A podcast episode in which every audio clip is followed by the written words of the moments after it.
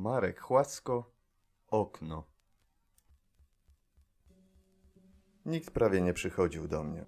Mieszkam sam. Od lat w tym samym brudnym i brzydkim domu przy jednej z bocznych ulic naszego miasta. Do okna mego pokoju nie zagląda nigdy księżyc, nigdy też nie widzę stąd nieba i gwiazd. Mogę oglądać tylko kawałek podwórka i przeciwległą ścianę drugiego domu. Bardzo wysoką, po części obrośniętą dzikim winem. Są tam dwa okna.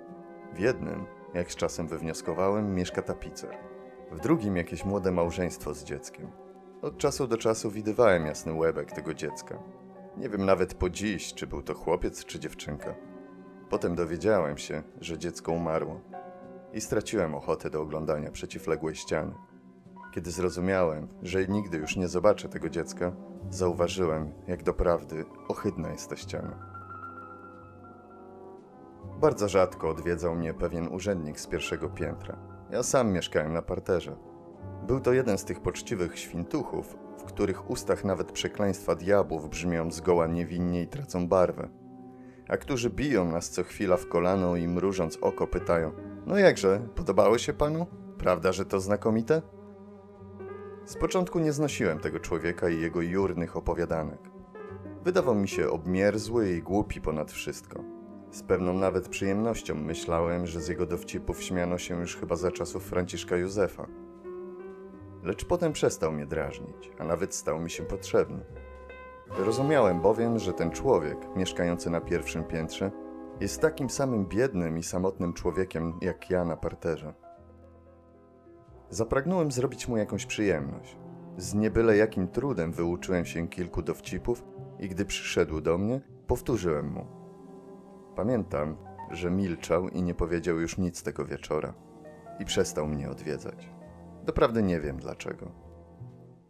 Przed moim oknem rosło drzewo akacji. Było bardzo stare i uschłe. Pamiętam, że ostatniej wiosny kwitła już tylko jedna gałąź. Wtedy po raz pierwszy ujrzałem tego chłopca. Siedziałem w pobliżu okna i zobaczyłem w pewnej chwili, że ruda głowa usiłuje zajrzeć do mego pokoju. Z początku przestraszyłem się, lecz zaraz potem zrozumiałem, iż jest to główka dziecka i postanowiłem czekać. Patrzyłem, wstrzymując dech. Biedaczek. Chciał zajrzeć nieco dalej, lecz nie mógł się wspiąć.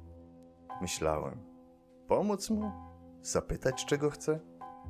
Lecz po chwili przestraszyłem się.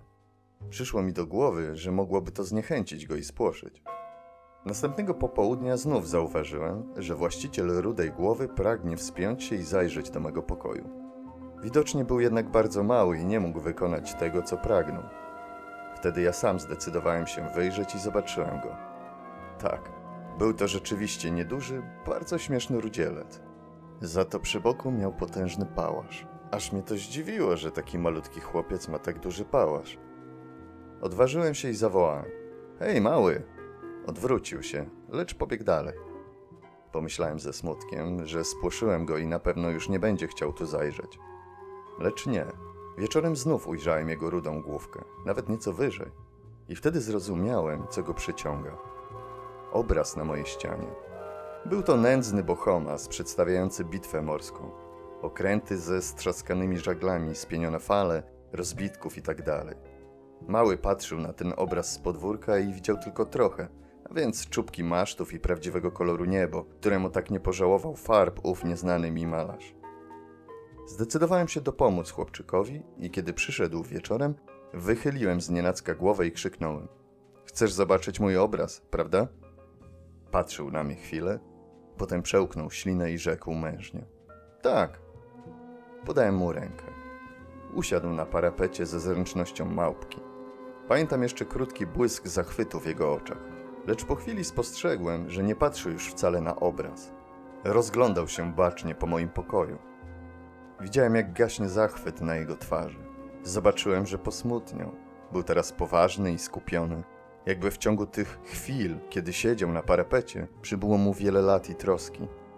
Bardzo długo milczał, opuściwszy rudą główkę. Potem rzekł: Wszędzie jest tak samo. Tak, rzekłem. Wszędzie jest tak samo. Nigdzie nie ma inaczej? zapytał. Nie, odparłem. Jak gdyby tak bardzo daleko stąd. Też tak samo?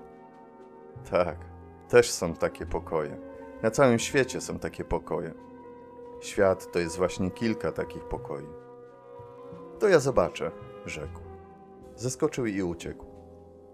Następnego dnia wróciłem później do domu. Pierwsze, co zobaczyłem wszedłszy do pokoju, to leżący pod oknem jakiś przedmiot. Podniosłem go. Był to ów pałasz, który budził moje zdumienie. Lecz sam chłopczyk nie zajrzał do mnie już nigdy.